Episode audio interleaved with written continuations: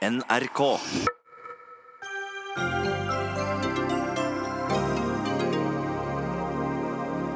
Hver nordmann kaster 42 kilo mat i året. Men nå kommer Stortinget med en lov mot matkasting, som vil føre til at hver nordmann vil kaste 42 kilo mat i året. Innen 2040 kommer alle flygninger internt i Norge til å være elektrifiserte, tror Avinor. Altså om 22 år. Neppe, svarer ekspertene. Lov på trappene i Polen. Polske borgere bosatt i utlandet blir bedt om å dokumentere og samle inn kommentarer som kan skade Polens gode navn. Det kan bety fengselsstraff for, polakker i Norge som sier Auschwitz var en polsk dødsleir. Og hvorfor skal ikke staten støtte pølsebuer og advokatfirmaer som går med underskudd, på samme måte som oljeselskapene får milliarder?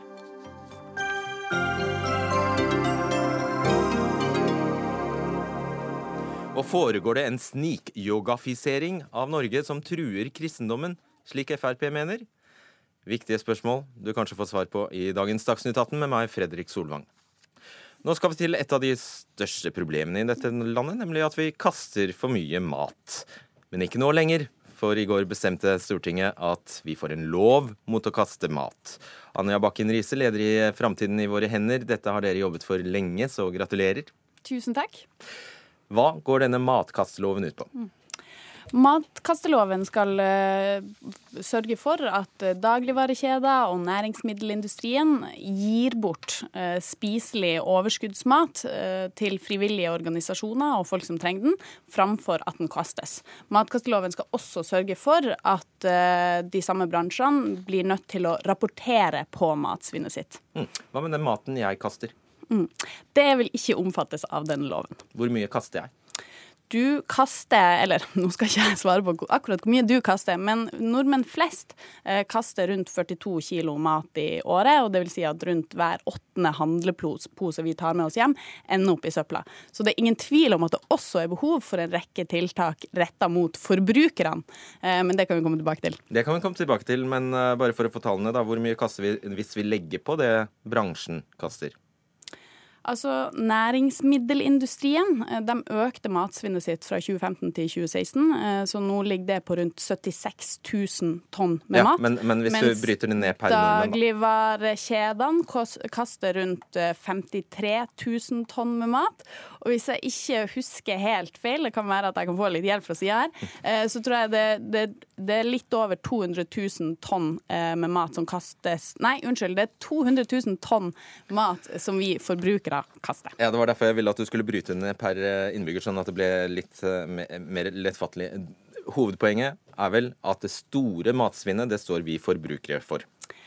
Ja, altså det er et poeng som regjeringa og bransjen sjøl er veldig glad i å løfte fram. Eh, så er så vil jeg understreke da at det er en del hull ved rapporteringa i Norge. Vi vet f.eks. fra Sverige at, eh, at, serveringsbransjen og at flere sektorer som man ikke teller på i Norge i dag, står for rundt 10% av matsvinnet i Sverige. Eh, vi har ikke tilsvarende tall fra serveringsbransjen eller fra landbruket og sånn i Norge i dag. Så det er nok grunn til å tro at det er andre sektorer også som bidrar ganske mye til matsvinnet. Men det verserer et tall uh, som forteller også at om lag 60 av matsvinnet står vi vanlige forbrukere mm. for, altså husholdningene. Det Denne loven, bare for, ja, eh, bare for å fullføre, takk. Denne loven vil altså kunne eh, få bukt med under halvparten av matsvinnet.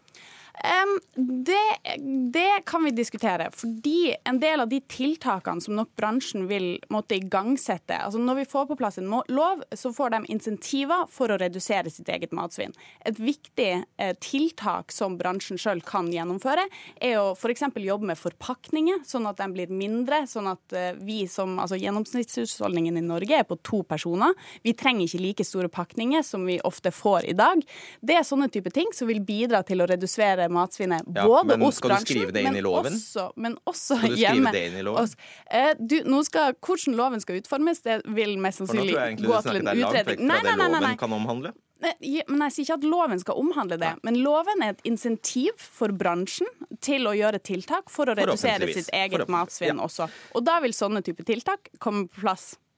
Ja, nettopp. Indirekte, kanskje. Etter all sannsynlighet. Vel.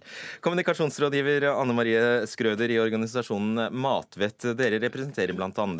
NHO, Virke, Dagligvareleverandørenes forening. Eh, du har jobbet med dette i sju år. Eh, er du for eller mot en lov? Nei, Vi mener jo at det ikke er behov for en matkastelov eh, i Norge. For tvert imot, vi er det landet som kanskje har den mest helhetlige tilnærmingen til dette med forebygging og reduksjon av matsvinn i hele verdikjeden. Først gjennom et formatprosjekt siden 2010, hvor matbransjen tok initiativ til å faktisk kartlegge hva som finnes og hvordan vi kan redusere det. Og nå gjennom bransjeavtalen om matsvinn, som er et helhetlig rammeverk som er fremforhandlet mellom hele matbransjen og myndighetene, og som tar for seg alle de punktene som ligger i dette lovforslaget som eh, nå fremmes. Øker eller minsker matsvinn i Norge? Det minsker. Pilene peker nedover. Hvor mye da? Siste år, fra 2015 til 2016, så reduserte matsvinnet med 4% i matbransjen totalt, og 11% faktisk bare fra dagligvarekjedene. Og før det, da? Så gikk det ned med 12% fra 2010 til 2015, men vi brukte jo tre år bare på å få på plass en god definisjon og en metodikk. For det krever Det er ikke sånn at du bare trykker på en knapp, og så går matsvinnet ned. Her skal alle aktørene både finne systemer og måter de kan eh, rapportere dette på best mulig måte, og så skal eh, forskningene ta, ta tak i det og analysere dette. Er du her for å si at loven er overflødig, unødvendig eller skadelig? I hvert fall overflødig og unødvendig. Skadelig må vi jo, Konsekvensene vet vi jo ikke før vi ser hva slags lovforslag som, som ligger, og hvordan de har tenkt å, å, å, gjennomføre det. Men vi mener at det er feil bruk av ressurser når det ligger et så godt rammeverk, og det jobbes så mye hver dag, og det skjer så mye, og pilene peker i riktig retning. Så forstår ikke vi hvorfor vi skal ha en uh, matkastelov i Norge. For at fremtiden i våre hender skulle få seg en politisk seier, kanskje? eh, Overhodet ikke. Altså, Deler av dagligvarebransjen i dag har gjort en kjempeinnsats, eh, som du er inne på, og klart å redusere matsvinnet sitt. Men det er en lang vei igjen til at vi er i mål med Norges målsetning om å halvere matsvinnet innen 2030. Og eh, dere har hatt det på dagsorden siden 2010. Eh, og som vi eh, så, så klarte man ikke å nå de målsettingene man hadde om å redusere mm, eh, matsvinnet på 25% innen 2015. Man klarte bare 12% Det var med frivillige tiltak. Vi tror at det er nødvendig med en lov for å Skjønner. nå de målene vi har satt oss. Svar kort på det. Ja, Det er satt delmål i bransjeavtalen. 15% innen 2020. Det har vi vist gjennom siste års reduksjon at det er vi på uh, trekk til å nå. Og det er satt et mål om uh, 30% innen 2025. Så dette, vi er i full uh, rute. Da må vi snakke med de som faktisk har vedtatt dette her. Tore Storehaug, du er stortingsrepresentant for Fremskrittspartiet matkastloven har vært KrFs eh, baby. Vi vet fra før av at regjeringen ikke har ønsket denne loven, men nå har dere altså fått med dere et uh, flertall på Stortinget. Hva, hvem, skal denne loven, hvem skal denne loven omfatte? Denne lova, det som vi har bedt om, er jo en lov som retter seg inn mot dagligvarebransjen og mot næringsmiddelindustrien. Hva betyr det sånn i praksis? Det betyr at vi kommer til å måtte få et lovarbeid der en ser på noen av de tiltakene som en i dag ikke omfatter i bransjeavtalen. Selv om det er mange gode ting som ligger der, så er det sånn at vi trenger òg noen tiltak utover dem for å kunne nå de forpliktningene som Norge har tatt på seg, bl.a. Ja, i okay, FN sin Da misforstår du spørsmålet. Jeg, lurer på, Skal det være store butikker, små butikker, skal det være alle butikker, skal det være noen butikker, skal det være alle som lager mat, bare noen som lager mat? Jeg har ikke skrevet lovteksten. Eh, poenget her er at vi er nødt til å få noen tiltak inn mot, eh, mot næringsmiddelindustrien. Så hva er det dere har bestemt, hvis, hva er det dere har vedtatt hvis du ikke har skrevet en, noen lov? Vi har vedtatt at eh, det skal begynnes på et sånt arbeid med å lage, lage en lovtekst der en ser på nettopp de grensegagningene som du drar opp, og der vi har bestilt at det skal komme noen flere verktøy som kan være med å ta oss videre for å nå de målene okay. som vi faktisk hvem, har satt oss. Hvem skal, hvem skal hente inn maten? Eh, I dag er det eh, mye der som foregår på en frivillig måte med matsentraler, som, eh, som gjør et veldig godt arbeid. Der som gjør det frivillig i dag? Mm. Ja, frivillig, men med ganske mye offentlig støtte. Og der er det en oppskalert arbeid rundt omkring i Norge ganske mye, bl.a. etter at KrF har tatt det inn i flere budsjettavtaler. Hvor mange matsentraler skal dere etablere? Da har jeg heller ikke et tall på nå. I hele landet? Eh, jeg tror vi må prøve å konsentrere det om de områdene der det er mest eh, mulig å få fordelt mest mulig til de organisasjonene. Og så sier jo det vedtaket som du sikkert har framfor deg, at eh, her skal en sekundært se på om det kan gis til dyrefòr i de områdene der det ikke er aktuelt å gi til veldedige organisasjoner. Hva med den maten som kastes på bygdene, da? Ja, Der er det jo kanskje en skal begynne å se på alternativ til de veldedige organisasjonene. Som vi peker på i det forslaget som du sikkert har framfor deg, der en sier sekundært til dyrefòr. Hva mener du med veldedige organisasjoner? Med veldedige organisasjoner så tror jeg en tenker på en del av de ideelle aktørene som i dag driver forskjellige typer tilbud, enten det er utdeling av eh, mat direkte, eller det er kafétilbud, sånn som ja, for en aktør som eh, Kirkens Bymisjon eller som Blå Kors driver i dag. Får ikke de nok mat i dag? Det kommer an på hvem du spør. Eh, noen av aktørene sier at her får de tak i nok med de frivillige tiltakene, mens Blå Kors i Oslo eh, var ute så sent som i fjor og sa at de hadde ikke nok, til, eh, nok, mat til å drive sitt tilbud på en god måte. Hvor mange trenger gratis mat i Norge i dag? Det har jeg ikke tall på. Du har ikke tall på det? Så du vet ikke noe om behovet for denne maten? Det er i alle fall sånn at hvis, vi, hvis, det viser seg at det ikke er et behov for eh, denne maten her, så er det jo et eller annet som er grunnleggende feil òg i måten ja, vi Da hjelper ikke en matkastelov, for å si det sånn? Jo, for da vil en matkastelov faktisk sette noen normer og faktisk gi oss de tallene som viser at vi er på feil vei. Og da er det òg mulig for oss som politikere å ta og se på dette her igjen. Poenget mitt satt på Ja, unnskyld at jeg avbryter, Tore Store. Men, men du poenget, har et poeng, det, vær så god. Mitt, ja, takk. Poenget mitt eh, for å sette det på spissen er vel at hvis de fattige f.eks. ikke ønsker flere wienerbrød, og bare kaster wienerbrødene, så er vi like langt. Men poenget her er jo at det er òg eh, rapporter som sier at her er et uløst potensial. Niber har kommet med en rapport til Miljødirektoratet eh, som viste da at 10 av matsvinnet i Norge i dag kan en få i bukt med om en gjør noe med redistribueringa på den måten. Nei, altså, nå svarte du på noe helt annet. Jeg spurte deg om behovet, om, om vi vet noe om behovet for denne, ja, all denne ja, gratismaten. Jo, da prøvde jeg å svare på. Fordi den rapporten, selv om jeg ikke kan tallene på hvor mange eh, som har behov for mat i dag, så sier den rapporten nemlig noe om at bedre redistribuering vil kunne få, eh, få bukt med 10% av matsvinn i dag. Det viser jo delvis at det er et marked for det, og at det er potensial til å gjøre mer. Men da krever det òg politisk vilje til å få det til. Ok. Uansett hva bransjen gjør, og uansett hvordan denne loven nå til syvende og sist utformes, så, eh, så begynner denne kampen for å bevare, bevare maten vi har hjemme hos oss alle i våre hjem. Og En av dem som vil hjelpe til med det, er deg, Kristin Hovland. Du jobber i selskapet Keep It. Altså på engelsk, engelsk KEEP It. Hva er det dere har laget? Ja, Vi har laget en holdbarhetsindikator eh, som kan settes på matvaren. Og den registrerer eh, temperatur over tid. Så det gjør at uh, denne indikatoren da, som sitter på matvaren, den kan vise helt eksakt hvor lenge denne matvaren kan spises. Altså hvor mange dager du har igjen før du må spise den, før den blir dårlig. Mm. Og Det gjør selvfølgelig at da tar vi vekk usikkerheten med datostempling. Da ser du helt eksakt, du kan planlegge bedre. Du kan uh, da spise det som går ut eh, først, først, og vente litt med det som du kan bruke litt lengre tid på. Og da kaster du mindre og sparer selvfølgelig penger på det. Eh, er du da for eller mot en matkastelov? Vi tror at en matkastelov nå ikke er helt riktig. Vi tror at det er å begynne litt i gal ende, men vi tenker at kanskje skal det være et ris bak speilet hvis ikke målsetningene blir oppnådd. Og Da tror vi at det må være mye mer åpenhet og mye mer åpen rapportering om progresjon i forhold til hva man oppnår av matsvinnreduksjoner. Mm. Og Hvis man gjør det, så tenker vi også at da får vi inn disse forbrukerne. For da, de, da, ser de dette veldig mye tydeligere. Og så kan de gå til de aktørene og kjøpe de produktene til, til de aktørene som er gode på dette. Anja Bakken Riise, er ikke det en bedre fremgangsmåte? Altså, det er helt fantastisk at det har kommet eh, initiativ som Keep It, Too Good To Go. Det er mange som bidrar inn her. Eh, men vi har sett på de tiltakene man har jobba med fra 2010, at vi har vært veldig langt unna å nå de målene vi har satt oss for å halvere eh, matsvinnet. En annen veldig relevant del med å få på plass en matkastelov, er både at man sørger for at alle parter blir med på dugnaden, alle kjedene, også, også næringsmiddelindustrien, også dagligvarebransjen, men ikke minst staten.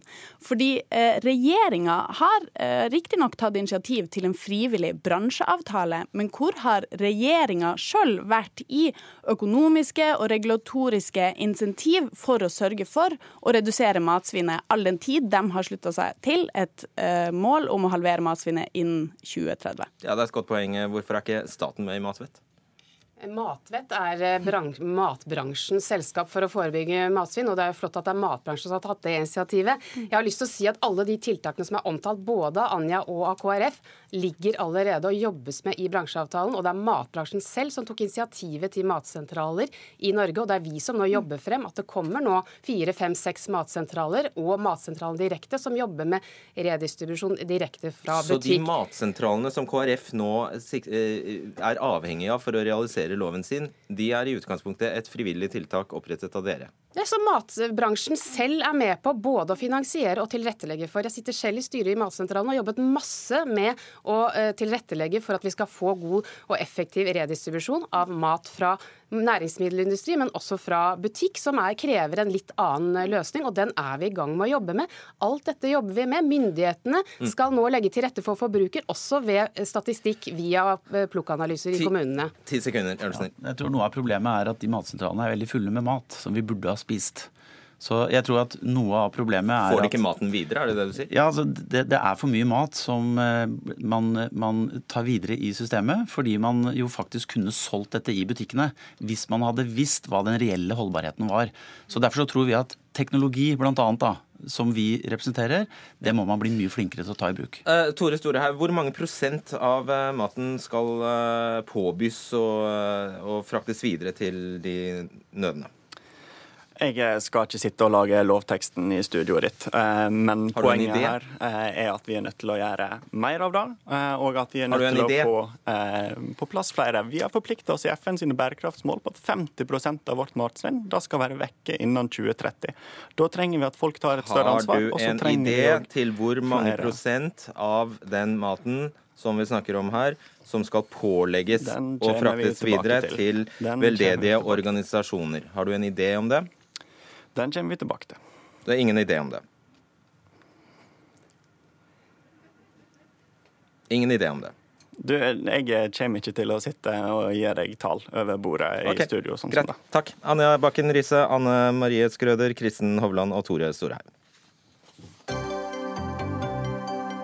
Dagsnytt 18 alle hverdager kl 18.00 på NRK P2 og NRK2.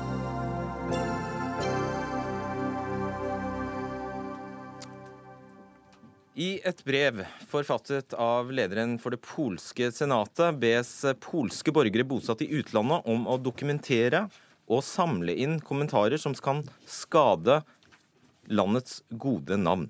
Brevet er sendt til polske organisasjoner i utlandet og er et ledd i det omstridte lovforslaget som sier at den som omtaler nazistenes leire i Polen som polske, eller som beskylder Polen for å ha vært delaktig i Nazi-Tysklands forbrytelser, kan straffes med bøter eller fengsel i inntil tre år, kunne vi lese i Aftenposten i dag.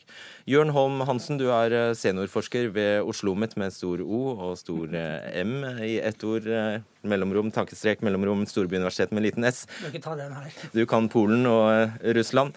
Du har lest brevet lederen fra, polske, fra lederen for det polske senatet. Hva er ordlyden her? Eller hva, hva sier brevet? Jeg sitter med brevet her. og Det er en uh, høflig anmodning vil jeg si, til uh, polakker bosatt i utlandet og folk, polskættede folk. Uh, som jo er ganske mange. 20 millioner til sammen, sannsynligvis. Som spiller en ganske viktig rolle i mange land når det gjelder å profilere Polen. Så det er en høflig anmodning til dem om å si fra til ambassader, konsulater, honorære konsulater, når polsk politikk, polske, den polske regjeringens politikk eh, blir eh, forfalsket eh, i offentligheten. Hvis du hører i en tilfeldig samtale at noen da begår, eller gjør det, så skal du kaste deg på tråden til et konsulat eller en ambassade? Nei, det er nok ikke ment sånn. Og det er egentlig ikke formulert sånn heller. Det er egentlig bare en stadfesting av det vi allerede har sett flere ganger i norske aviser, at den polske ambassaden rykker ut hver gang noen eh, bevisst, eller sannsynligvis som regel ubevisst, eh, snakker om polske dødsleire, ikke sant? snakker om Auschwitz som polske leirer osv., rykker de raskt ut og skriver et, en irettesettelse. Det er eh, dette er nok et forsøk på å mobilisere si, det polske sivilsamfunnet i utlandet til støtte for eh, ja, for å styrke Polens gode navn og rykte. Mm. Vi har med oss deg på telefon, Nina Witocek. Du er forskningsleder ved Senter for utvikling og miljø ved Universitetet i Oslo. Du er altså med oss fra, Warszawa. Du reagerer veldig sterkt på dette brevet som er sendt ut. Hvorfor det? Ja, jeg har hatt en sjanse å lese eh, et polsk eh, tidsskrift hvor det var et intervju med Lech Kaczynski, den store polske fyrer, og leder de facto av PiS-parti. Og han mener veldig sterkt at verden er antipolsk. Verden lider fra antipolonisme, eller fra polonofobi, for å si det sånn, som viser at eh, leder til PiS-parti leder selv av paranoia. Og dessverre, den, dette type brev kan bare betraktes, betraktes som et uttrykk for den polske eller PiS-paranoia. Og uh, jeg tror det er utrolig uheldig uh, og ufornuftig utenrikspolitikk. Ja, altså uh, Vil du gå så langt som å mene at polske myndigheter da er besatt av denne forestillingen om en sammensvergelse mot landet? Ja, jeg tror det er mer enn besettelse. Dette er nå som jeg sier, på grensen av en psykisk tilstand. Det er Monty Python de luxe. Eller hvis du vil, så det er en del av, av oss si, en slags bolsjevistisk tankegang som gjør at uh, dette type dekretet er undertegnet av president Duda. Jeg tror at det ikke er Polen verdt. At det kompromitterer polakker over hele verden. Og det kompromitterer først og fremst den polske regjeringen. Har det folkelig støtte, vil du tro? Uh, jeg mener at Polen er utrolig polarisert. Det finnes mange støttere og mange støttespillere av FIS. Så jeg, jeg, tipper det er mange polakker som er uenige med meg. Men vi vet at uh, denne typen uttalelsen er farlig, fordi den er et uttrykk for det illiberale Polen som vi ser mer og mer av, og som uh, jeg tror er på horisonten nå i årene som uh, kommer. Mm. Tilbake til deg, Jørn Holm Hansen. Hvor spektakulært eller hvilket Er dette et særsyn? Det er jo ikke et særsyn at uh, hva skal man si, høyrepopulistiske regjeringer legger lokk på selvkritikk, selvkritiske betraktninger om egen nasjons storhet. De satser jo veldig på å framstille seg selv som uh, store helter osv. Og, så og det Nina Witasek sier her, er jo i og for seg eh, mye i det. Men skal man tro på meningsmålinger, så har ikke dette lovforslaget noen sånn voldsom oppslutning i befolkningen. Bare 40% mener det er en god idé å gjøre det straffbart å komme med feilaktige opplysninger eh, i offentligheten. Og godt over 50% mener man må finne andre måter å imøtegå feil faktafeil i historien. Mm. Edita Marta Stylo, du er leder for den polske klubben i Norge, og en av dem som faktisk har mottatt dette brevet. Ja. Tar du imot, ja, du sitter med det der. Tar du imot oppfordringen? Vi tar den på strak arm, fordi at eh, dette brevet, slik vi eh, leser det, er jo absolutt eh, veldig lite Altså jeg kjenner meg veldig dårlig i beskrivelsen av Nina Witoszek spesielt. Fordi at dette brevet oppfordrer til eventuelt å um, ta eh, skjeen i egen hånd og vise historiske fakta, som i form av seminarer, utstillinger eller andre møter. Jeg leser ikke brevet som eh, på en måte mm, en uh, trussel til Altså for ja, det polske stats Altså ytringsfrihet på noe som helst vis. Det er en invitasjon til å faktisk vise andre sider av denne sannheten som florerer i alle verdens medier nå. Men du benekter heller ikke at det ledsages eh, av, et, eh, av en, eh, ja, en, paragraf i dette lovforslaget som da sier at man faktisk, dersom man påstår eller beskylder Polen for å ha vært delaktig i Nazi-Tysklands forbrytelser, kan straffes med bøter eller fengsel inntil tre år. Ja, Men nå har ikke dette forslaget gått gjennom. Det er kun et forslag. Det er uvisst om eh, dette blir iverksatt. Det er akkurat eh, samme prosessen i polske riksdagen som da man foretar seg i norske eh, parlamentet. Eh, parlamentarisme fins ikke i Polen, men det er Riksdagen som tar seg av dette. Det er jo som sagt ikke iverksatt og møter muligens motstand dersom Polen er et demokratisk land. Sier du at dette kunne skjedd i Norge? Dette at i norske Norge. myndigheter kunne ha gjort det samme? Eh, muligens ikke norske myndigheter, men man kunne virvlet opp under ja, så, eh, annen verdenskrig og norsk historie, og norsk historie som kanskje ikke tåler dagens lys i særlig grad. Ok, La oss bare sp- eh, ta det historiske her, Jørn Holm Hansen. I hvilken eh, Hva det er som skaper disse veldig ømme tærne, da. Eh, Det er jo en kjent altså det var eh, Polen hadde eh, Europas eh, største jødiske befolkning før eh, krigen. Eh, I 1939 bodde det 3,3 millioner jøder der. Om lag en tredel av alle i Europa, faktisk. Og eh, rundt to millioner av dem klarte altså ikke å flykte. Uh, ifølge HL-senteret var gjennomføringen av holocaust uten tvil et tysk prosjekt i Polen, men den hadde ikke vært mulig uten polsk, polske myndigheters og myndighetenes medvirkning. Er historikerne enige om dette? Hist, altså Polske myndigheter er det vanskelig å snakke om under den tyske okkupasjonen, for det, de jo, eksisterte jo ikke. Og polakkene var jo bare rangert et par hakk over eh, jødene i eh, nazistenes noe syke rasehierarki. Eh, så jeg vil si at det er i og for seg riktig å si at det er feil å, hevde at den polske stat og det polske folk som sådan støttet opp om forintelsen av jødene. Men det var mange i Polen som i og for seg sånn som alle andre steder i Europa som var under nazitysk okkupasjon, som utnyttet situasjonen til å tilrane seg eiendelene til jødene, eh, presse ut penger, angi dem osv. i Polen som andre steder. Og vi må huske på at det var jo først i 2014 at eh, vi fikk søkelyset på hvordan nordmenn, ikke-jødiske nordmenn, oppførte seg overfor jødiske landsmenn under krigen. En lite stolt historie, meget lite stolt historie. Men det er jo et faktum at Polen har vært smittet av forferdelig antisemittisme opp gjennom tidene, og med pogromer og Det har det vært. Eh, Det har vært antisemittisme i Polen eh, eh, lenge, og det var en oppblomstring av det på slutten av 30-tallet, da de hadde en ultrahøyreregjering. Og også under krigen så var det polske pogromer, altså lynsjinger av jøder. Men vi så også det motsatte under krigen. Vi så at polske mennesker, polske familier, eh, hjalp jøder.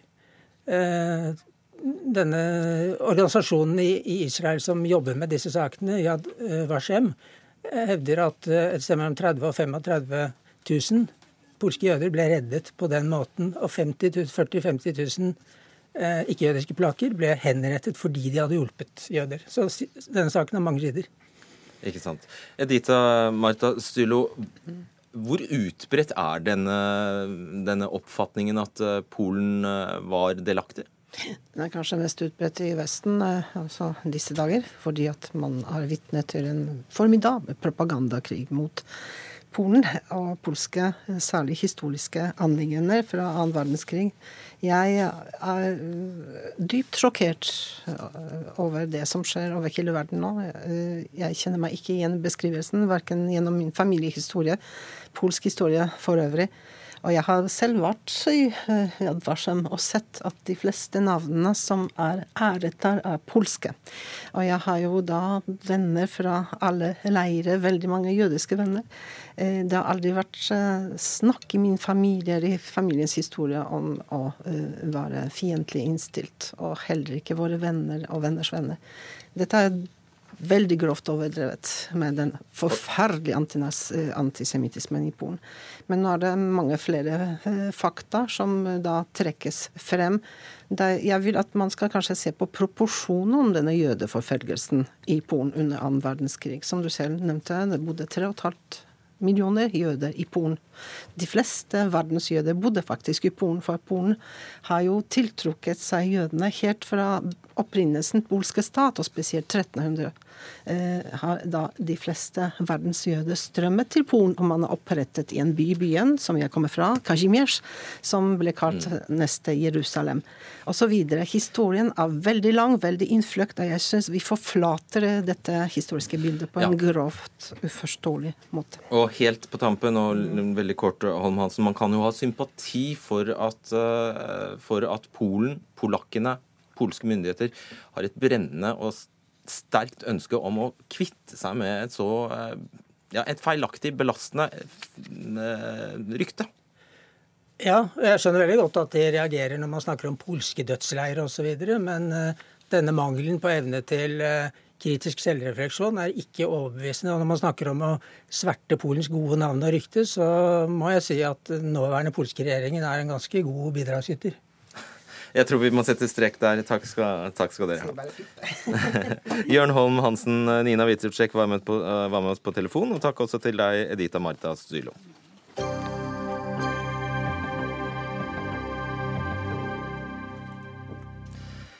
Det er eh, vinterferie på Østlandet. Derav en del telefonlinjer her i Dagsnytt 18. eh, Og mange sitter kanskje på en strand eller en kafé i en europeisk storby. Mest sannsynlig kom de seg dit ved hjelp av fly. Og fly, det skal vi fortsatt gjøre. Og snart med enda bedre samvittighet hvis Avinors spådommer viser seg å stemme. For innen 2040 tror nemlig Norges største flyplasseier at alle flygningene mellom norske byer og steder kommer til å være elektriske i en eller annen form. Men nettstedet Filternyheter har spurt eksperter og produsenter, og mange tviler på, egentlig nesten alle, tviler på at dette kan skje. Og det gjør også du, eh, Magnus Skinlo Thomassen. Du er forskningsleder ved Sintef Industri. Nøyaktig hvor langt unna er vi elektriske passasjerfly av en viss størrelse? Ja, altså nå har jo Batteriene i dag har en energitetthet på ca. 1, 1 av drivstoffet som brukes i fly.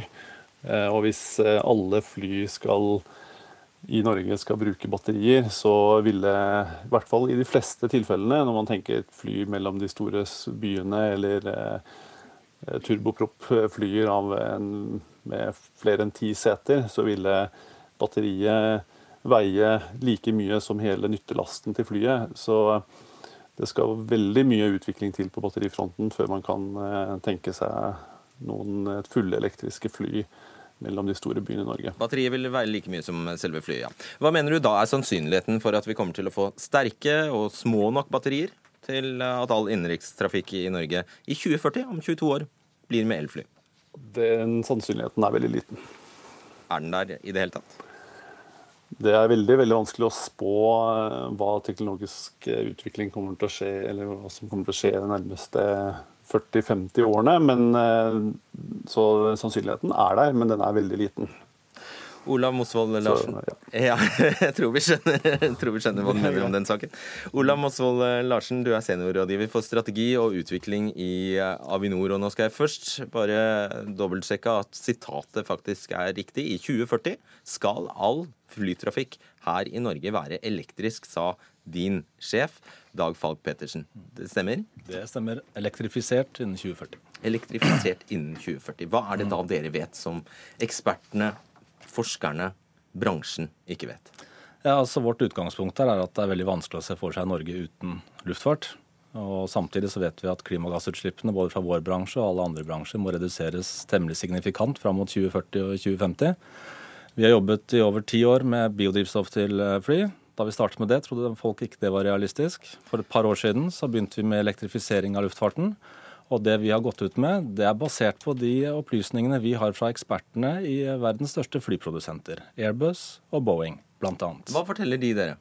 De forteller oss at eh, hvis vi tar Boeing først, da, eller det Sunum, som det selskapet som Boeing eh, finansierer, eh, sier, så sier de at i eh, 2025 så skal de ha et tolvseters fly på vingene med en rekkevidde på 200-300 km batterielektrisk, og med en rekkeviddeforlenger opp mot 1000 km. Og så har de planer om en 19-seter og en 50-seter ut mot eh, 2030. Og Airbus, sammen med Siemens og Rolls-Royce, sier at i eh, 2030 skal de kunne løfte 100 passasjerer 1000 km med samme type teknologi. Så det er bevisførselen din? Ja, altså når 150 Siemens-ingeniører og eh, Airbus eh, ditto sammen med Rolls-Royce har ser kommersielle muligheter for e- elektrifisering av luftfarten, så har vi ingen grunn til å, å tvile på det. Hva sier du til dette, Thomassen? Ja, Det er stor forskjell mellom en full elektrisk drift av fly og en elektrifisering av, av fly, flyene. Eh, det kan godt hende, og jeg støtter også opp om det, at man skal prøve å hybridisere fly og gjøre um, flyene delvis elektriske, så du kan få hjelp til start og kanskje litt regenerativ bremsing når du lander flyet. Eh, og ikke minst det at du kanskje kan bruke elektrisk framdrift når du taxer rundt på flyplassen.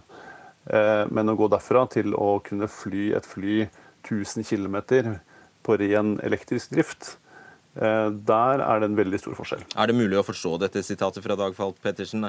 I 2040 skal all flytrafikk her i Norge være elektrisk, annerledes eh, annet enn at det betyr eh, faktisk el? Ja, og ikke, Larsen, ikke, hybrid?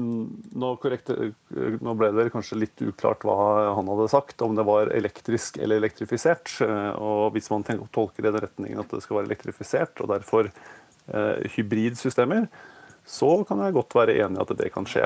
Men full elektrisk drift og utslippsfri, det er noe helt annet. Du omskrev bare sitatet litt? Nei da, det gjorde jeg ikke. Det er det, det er det, vi har gått ut med, og det vi har skrevet i alle våre presentasjoner og alt vårt materiale.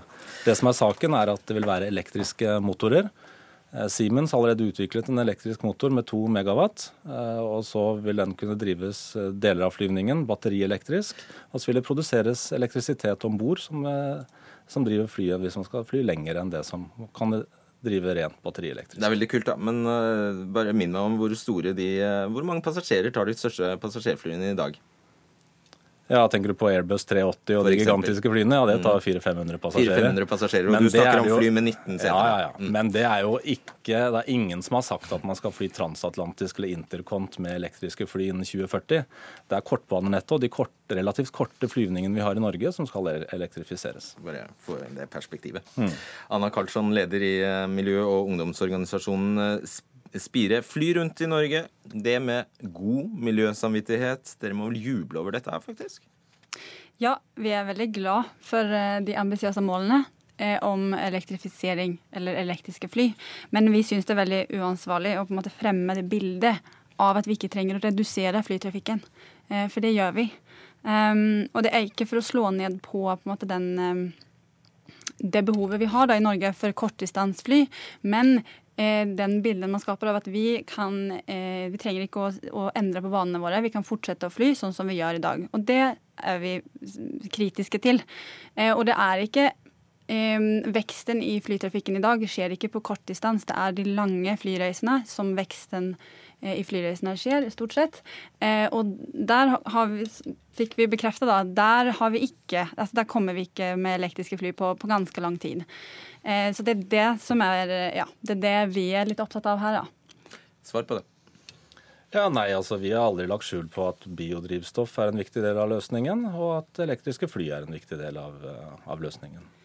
Ja, og biodrivstoff er jo selvfølgelig også en ting som vi kan eh, diskutere litt. Eh, fordi det er jo ikke sånn at vi har tilgang på bærekraftig biodrivstoff i den skalaen som vi trenger for å opprettholde den store flytrafikken vi har.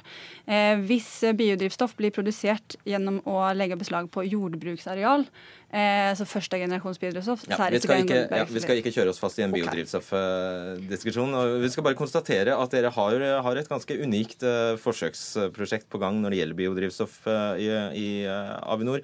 Men det er lite etterspørsel etter det. Det kan vi slå fast for. Ja, det er en sånn høne og egg-problemstilling. At det er lite produksjon, så da blir det dyrt. Og da blir det også lite etterspørsel, så gjelder det å få i gang få i gang etterspørselen og produksjonen, ja. Ikke sant. Du, eh, Thomassen, eh, det var vel neppe noen som hadde sett for seg eh, alle elbilene på norske veier for bare 20 år siden. Så hvordan kan du vite at det ikke kommer en tilsvarende revolusjon i lufta? Det er stor forskjell på det å elektrifisere biler og elektrifisere fly. Og det er også sånn at da er det ja, ca. 20, litt mer enn 20 år siden litium-ionebatteriet eh, kom på markedet for første gang. Eh, Det som er eh, Problemet nå er at det er ikke så veldig mange flere lettere elementer igjen i periodesystemet. Eh, man har gått helt øverst til de letteste elementene og gjør derfor batteriene lettest mulig. Og det går ikke an å finne så veldig mye mer lettere saker enn litium. Det eneste elementet som er lettere enn litium, er hydrogen.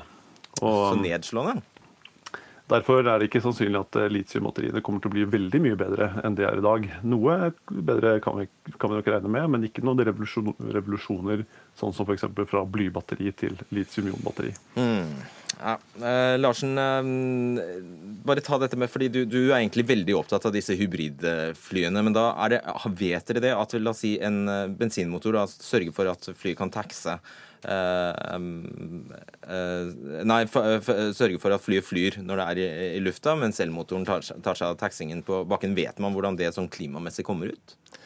Ja, altså sånn, Det har vært konsepter for kjempelenge. Nå varierer det jo hvor mye taxetid det er på de ulike lufthavnene rundt omkring i, i, i verden, avhengig av trafikk og de-icing og det ene med det andre. Men det er klart det, det har vi beregninger på, at uh, elektrifisert uh, taxing Eh, og, og både inn- og uttaxing, at det redusere, kan redusere utslippene på enkelte flyreiser med opp mot 10 mm. OK, du får avslutte. Ja, um, ja, nei, vi opprettholder det. Altså, vi må snakke om å redusere flytrafikken. Eh, og så ta i bruk den teknologien for å, å ta oss dit vi vil. Eh, så det ja, det er okay. veldig fint. Og vi ja. konstaterer bare at det er jo det motsatte som skjer nå. Dere har en ambisjon om å vokse 4 eh, per år, norsk luftflytrafikk, ikke sant?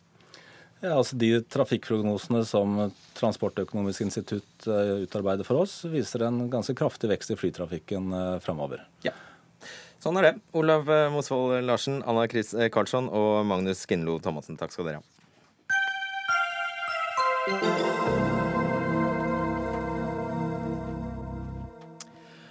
Nå til skattestriden i norsk oljeindustri, for oljeselskapet Lundin er sterkt kritisk til at miljøstiftelsen Bellona har klaget den såkalte leterefusjonsordningen inn for ESA, EFTAs overvåkningsorgan i Brussel. Vi i Dagsnytt 18 tok opp denne saken for to uker siden, men da uten at de berørte oljeselskapene var med. Nå kan vi si velkommen til deg, Kristin Færøvik, administrerende direktør i Lundin Norway. Eh, denne ordningen bare for å forklare det aller først, denne ordningen som det er snakk om, ble altså innført i 2005 for å få flere nye selskaper inn på norsk sokkel. og Den gjør at nykommere, som dere var en gang, eh, eller andre som går med underskudd, får utbetalt 78% faktisk av leteutgiftene. Selskaper som går med underskudd, trekker så fra eh, beløpet senere, fra den høye skatten som dere må betale, som også er 78% Og Spørsmålet nå er om disse skattereglene her faktisk egentlig innebærer subsidier og ulovlige subsidier. Så vi lar det, lar det første spørsmålet gå rett til deg. Er dette subsidier, etter din mening?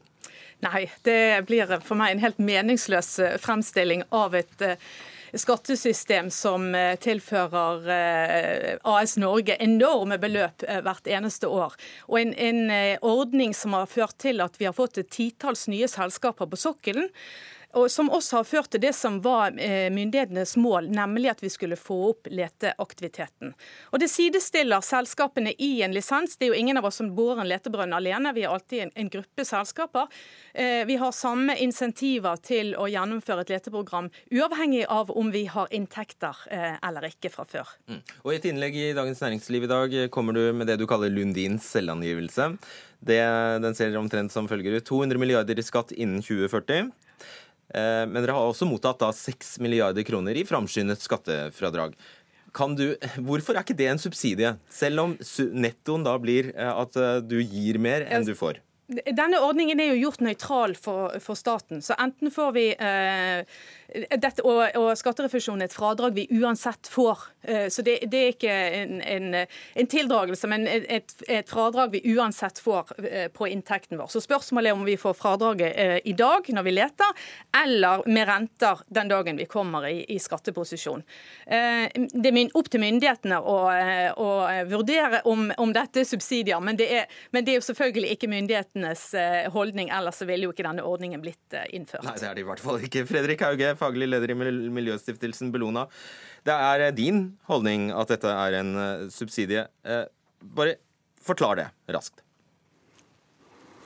Dette er ikke en uproblematisk ordning, og den er veldig komplisert.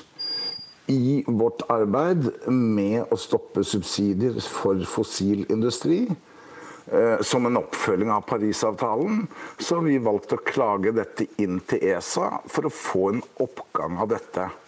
Det som forbauser oss, er at man er så klar fra norske myndigheter på at man ikke har varslet disse myndighetene, konkurransemyndighetene i ESA og såkalt notifisert dette for lenge siden. Eh, jeg synes den måten eh, Lundin argumenterer på, forklarer veldig godt at det er en hel rekke tvilstilfeller, og spesielt i de tilfellene hvor selskapene ikke er i skatteposisjon og forlater landet. Mange penger forsvinner på denne måten. Og jeg syns ikke det er så rart at vi ber om at dette blir gått opp om hvorvidt det er fossilsubsidier eller ikke. Det er den type arbeid alle må gjøre nå etter Parisavtalen. Kristin Fervik han har jo et uh, godt poeng. Uh, det er jo, du, du, du, prognoserer jo at uh, du skal betale disse 200 milliardene i skatt. Hvis du i stedet går konkurs, så er det en subsidie. Da er det helt tydelig at det er en subsidie. Eller hvis du forlater landet, som, eh, Nei, som Hauge sier. Eh, det er jo også en helt tøvete argumentasjon. For det er vitterlig selskaper i andre næringer som, som går konkurs uten, uten, man kan snakke om at de er subsidiert. Eh, men Ja, men de får jo ikke dette for, de har jo ikke noe rett til å fra, nei, men, men dette, den, framføre underskudd. Nei, men Vi kan ikke trekke ut ett element av, av petroleumsbeskatningen. Eh, vi må se på hele, hele systemet. Og, og, hele innretningen er jo gjort for at det skal være nøytralt mellom alle selskapene som driver virksom, letevirksomhet på norsk uh, sokkel. Uh, man kan si at det er komplisert eh, hvis man skal gå inn i hele petroleumsbeskatningen. Ja, men, det men, men, men, det sakens kjerne står om, er ikke spesielt komplisert. Det er bare tidspunktet for når man får skattefradraget. I Lundins, i Lundins tilfelle, Fredrik Hauge, så er det ikke særlig komplisert komplisert. Hvis hun bidrar, eller de bidrar med 200 milliarder i skatt innen 2040, så betaler de tilbake til disse 6 milliardene ganske mange ganger, og da er det ingen subsidie. Ja, men når vi ser at vi skal argumentere videre overfor ESA på en del av det vi ser, både hvordan mindre selskaper utnytter denne ordningen. Det er en del av det ESA kommer til å vurdere. Altså om dette brukes til å skatteposisjonere seg. Jeg sier ikke at det gjelder Lundin. Eh, vi ser f.eks. nå hvordan skatten fra oljeselskapet Eni på produktive felter er blitt skrevet bort mot de store utgiftene på Goliat. Eh, jeg synes det er viktig at oljeindustrien aksepterer at dette med klima, dette, denne type aktiviteter, det er en del av vår legitime rett til å jobbe fram avklaring om dette. At det påvirker styrerommene, at det fører til at uh, man må gå noen ekstra runder i oljeselskapene, det plager meg veldig lite. Jeg tror dette er uh, fint å få ryddet opp i. Ok, du uh, Svar kort. Ja, det, det, plager ikke meg nevneverdig heller at vi må foreta markedsvurderinger i styrerommene og, og i selskapsbeslutningene. Så der er Fredrik Haug og jeg er helt på linje. Ja. Eh, men når det gjelder, eh, eh, når det gjelder fradragsordningene, så, så er det jo også verdt å nevne at vi har en helt særdeles høy uh, skattesats i, i, denne næringen. 78 uh, betaler vi av uh, over, overskuddet. Og enhver virksomhet i dette landet får trekke fra sine utgifter før de begynner å betale skatt av overskuddet. Nettopp. Ok, Vi skal bevege oss over i unnskyld, unnskyld, unnskyld, unnskyld meg. Jeg må bare få kommentere det. Da må det, det er klart dere skal betale en høy skatt. Dere pumper jo opp å tjene penger på våre felles ressurser. Det er grunnrente, det alle er enig i. Annerledes enn de alle Ja, det, det, det ja, må være en måte på argumentasjon. ja, men hun kan jo få lov til å påpeke det. Erik, ja, da. Erik Tynes, det er en høyskatt, det er det. Uh, Erik Tynes, advokat i advokatfirmaet Wiersholm. Du har gått inn i denne diskusjonen om skatteordningen for oljeindustrien på en litt annen måte. Uh, du sier innfør refusjon for all nyskaping uh, i Norge. Eh, det er du og en kollega som skriver det i DN i dag. Eh, hvorfor det? Nei, Vårt perspektiv er jo at man må spørre seg hva er det som er likebehandling, og hva er det som er forskjellsbehandling. Og Slik det er i dag, så er det jo slik at eh, den som driver en lønnsom virksomhet fra før, og som i tillegg driver nyskaping, som isolert sett inntil videre går med underskudd, faktisk får full glede av underskuddet fra underskuddsvirksomheten, fordi det fører til redusert skatt med 23% av underskuddet i den nye virksomheten. Mm. Så hvis man har en stor bedrift, eller det bør ikke være stor, men en bedrift som går med overskudd fra før, så kan den drive nyskapning og i realiteten få staten til løpende å dekke 23% av underskuddet. Og dette diskriminerer selvfølgelig alle som ikke har eh, den kassa å dra, eh, Hvis, trekke på. hvis du eller jeg hadde en god idé og skulle starte med enten vi skulle forske på et nytt legemiddel, eller vi skulle prøve å etablere nye distribusjonssystemer i dagligvarehandelen, så ville vi måtte finansiere alt sammen selv. Og så kunne vi få glede av skattefradraget når vi kom i overskuddsposisjon og hadde lykkes. Ja, Så hvorfor ikke bare statliggjøre alt? Det er, eh, det er et eh, spørsmål som vi stiller. Ja, ja nå mente jeg altså, det, I realitet eh, Altså Det du ber om, egentlig, er at staten skal være en sånn evig garantist for alle, alle, alle selskaper i Norge? Absolutt ikke noen evig garantist. Det dreier seg jo om, eh, om en, et skattefradrag som er knyttet til investeringer, som er fore, eller utgifter, kostnader og investeringer, som er foretatt av de næringsdrivende selv. Så hvis man skal bruke en million, så vil man i beste fall få igjen 230 000 fra staten. Og du mener at i prinsippet så er det ingen grunn til at et selskap som Lundin skal ha denne anledningen, mens en pølsebu ikke får det? Ja, dette er jo ikke noe innlegg eh, mot, mot, det er vi som setter det opp. Mot, mot, mot Lundin. Eh, Det er snarere et spørsmålstegn om ikke den tankegangen som ligger bak refusjonsordningen for letekostnader på sokkelen, er eh, en, et utslag, egentlig, av en likhetstankegang som gjør seg gjeldende på andre områder også. Eh, har du lyst til å mene noe om det? Nei, jeg har ikke noen kommentar til det. Men, men, jeg, men kanskje jeg kan få lov å kommentere den noe overbærende tonen fra min meddebattant. Ja, ok, det skal du få lov til. Jeg, syns han har argumentert særdeles dårlig for at, eh, at det er subsidier vi, vi snakker om her. Og, og det er lite respektfullt for de 200 000 menneskene som hver eneste dag går på jobb i denne næringen og skaper enorme verdier for eh, AS Norge. Var den rette til eh, Fredrik Hauge, kanskje? Ja, ok, Da skal du få svare kort på den. Men jeg hører så, så mange påstander om hvor lite respektfull jeg er, hvor stort problemet er for demokratiet fra oljeindustrien. Vi har levert en grundig klage. Les den. Den kan alle lese. Så synes jeg jo at dette illustrerer det siste poenget her. Illustrerer nettopp den ulikheten som dette skaper, fordi at oljeselskapene også får dette for den delen som er bedriftsbeskatning. I tillegg så er jo dette en åpenbar likviditetsmessig subsidiering. Men alt dette kan Lundin og de andre fint lese i sakspapirene. Er du enig med Tyn- Tynnes? Ja, absolutt. Han illustrerer poenget helt utmerket. Fordi dette nettopp blir konkurransevridende om kapital mellom bransjer. Ok, Hva sier du? Du skal få avslutte, Tynnes. Nei, Jeg er nok ikke enig i det. Eh, eh, Særskatteordninger på sokkelen har jo sin egen bakgrunn i grunnrentebeskatningen, og der er det en høy skattesats. Og det vil eh, slå ut eh, både for den som tjener penger, og for den som går med underskudd. Og Det betyr at fradragenes verdi blir stor, med de ulemper som det har. Men det er en konsekvens av systemet. Eh, På begge, på begge, uansett hvilken sektor vi er i, så er jo spørsmålet om man skal ha komme bedre ut skattemessig hvis man er en etablert aktør med overskudd fra før, enn hvis man er en ny aktør som starter ny virksomhet, og som da vanligvis vil måtte regne med å gå med underskudd en stund. Det er spørsmålet. Du skal, ok. Siste Ja, da, da kan jeg få lov å komme med en, en anbefaling også, så må jeg lese Finansdepartementets svar på spørsmålene fra ESA. Takk skal dere ha. Kristin Færvik, Erik Tynes og Fredrik Hauge. Hør Dagsnytt 18 når du vil.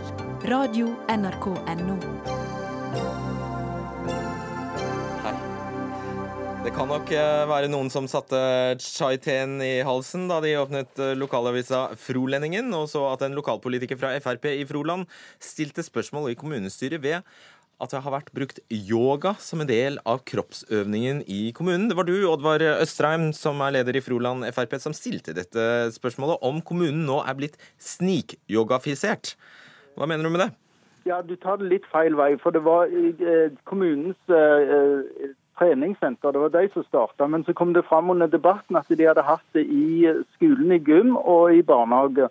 Og da føler jeg at det blir snikislamisering.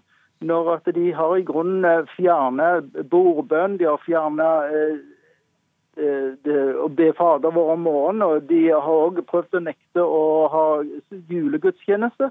Og så kommer bare dette her inn uten politikerne får vite om det og alt sånn. Da syns jeg det er slik islamis... Nei, slik snik yogafisering, hvis en skal si det sånn. da. Ja, kanskje Ja, ikke, ikke islamisering, men yogafisering. Ja. Ikke, ikke i denne sammenheng. ikke, ikke denne gangen, nei. Eh, og jeg forstår deg slik at du mener dette er et uh, Ja, dette yoga i offentlig regi er et brudd på Grunnloven, intet mindre? Eh, det, der står i Grunnloven at en skal bygge på den kristne kulturarv, og da syns jeg det blir feil. Ålreit. Amrit Fossan, du driver Yggdrasil yogaskole i uh, Oslo. Yoga er altså en samling med mentale og kroppslige teknikker med tilknytning til indiske religioner som eh, buddhisme og hinduisme. Kan man være kristen og drive med yoga? Ja, Når du sier med tilknytning til hinduisme og buddhisme, så er jo ikke det eh, helt riktig. Det oppsto i India. Yoga er en metode, det er ikke en religion. Og det er vi veldig nøye med å formidle. Er det elementer av religion i det? Eh, nei.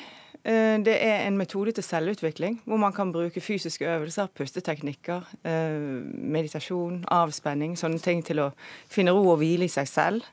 Eh, de som kommer til oss, eh, er helt alminnelige mennesker som har lyst på ro og hvile og kanskje komme litt ut av en stresset situasjon. Eh, det er ikke noen religiøse tilbøyeligheter i vår undervisning i det hele tatt. Har du satt deg inn i hva yoga er, Oddvar Østerheim? Ja, det har jeg, jeg, jeg. visste ikke så mye om det da, men jeg har fått i grunnen mer nå etter debatter jeg har vært med. Når de snakker om indre reiser og åndelighet i dette, her, da mener jeg at det har med åndelighet å gjøre, og, og religiøsitet. Og eh, jeg, jeg syns de, dette er alvorlig. hvis det, Jeg har sett en undersøkelse fra India fra 1980-tallet som viser mer skjelettskader, tidligere død faktisk med yoga. Blant indiske befolkningen, de som driver det. Jeg tror du har blitt eh, misinformert når det gjelder akkurat den undersøkelsen der. Og... Jeg, jeg, så er det en annen ting. Det står med skylling med nesehull og forskjellig sånt. Det har jeg faktisk prøvd selv tidligere. Ja. Ja. Og det gikk veldig galt, så jeg til slutt måtte faktisk til, til medisinsk behandling og få operasjon, faktisk. For jeg ble veldig mye dårligere. For eh, jeg tror folk skal lese seg veldig godt opp på yoga. Hva, hva var det som skjedde med den neseskyllingen? Altså, det er en veldig kjent teknikk for å Jeg ble, jeg ble faktisk helt tett i nesen. Ja, men unnskyld meg, Hva har dette med kristendommen å gjøre, Østrheim? Ja. Eh, det, i, I grunnen så snakker jeg om yoga totalt sett, at folk skal være forsiktige med å holde på med yoga. Ja, um, altså Hvis du hadde kommet til en yogaklasse hos meg, så hadde du kanskje forstått litt at uh, det ikke dreier seg om mystiske ting. Og du snakker om ånd, åndelige reiser og alt mulig. Så altså, yoga er en metode. Først og fremst så gjør vi fysiske øvelser for at folk skal få løse opp i spenninger. Sant? Fysiske spenninger. Og så gjør vi avspenning. Det er en metode hvor du faller til ro. Du ligger på ryggen. Jeg kan gi deg en avspenning på luften hvis du vil ha en. Mm. Og, og, det gjelder med Altså, du går gjennom kroppen, du gjør helt uh, fysiske teknikker som er Det, det fins ikke noe mystisk med det. Og når du snakker om åndelig, så lurer jeg litt på hva du mener med åndelig, eller om ja, du kan sånn utdype det, Strøm. Hva, hva ja, mener du med åndelig? Om kristendommen har enerett på åndeligheten i så mm. tilfelle. Eh, I, eh, I, forhold til kristendommen så står det om forskjellige ånder der òg. Men eh, her er det de sjøl som er instruktører, som jeg har vært i debatt med, som sier de har en indre reise, og at de har åndelighet. Og jeg sier, Da ønsker jeg heller å ta meg en reise med bilen istedenfor en indre reise, tross alt. Tolker du yoga som noe hinduistisk? Ja, det er helt klart hinduistisk inspirert. Hvorfor, hvorfor, eh, mener du at det er hinduistisk? Eh, for det kan du lese på internettet og, og se overalt. Det der. Hvis du søker på, på, yoga, så kommer du inn på hinduisme med en gang. Og Jeg har snakket med folk som har drevet på med yoga. Veldig mange av som folk har vært til India og forskjellig liksom. Ja da, Det går an å reise til India og lære mye om den indiske kulturen. Nå er det sånn at Yoga er en metode som oppsto i India. Og De som holdt på med å finne ut av denne metoden, de var yogier. Og de erfarte dette her okay. selv. Østrheim, eh, helt kort. eh, Tror du du har partiet ditt med deg på dette her? Nei, det er sikkert like, det er sikkert like ma- mange forskjellige meninger der som ellers i samfunnet. For det, det, men i grunnen syns jeg det er greit få en debatt. Ja, ikke sant. Takk for at dere ga oss den. Takk skal dere ha. Ida Tune ting? Ida Lara Brenna og Fredrik Solvang.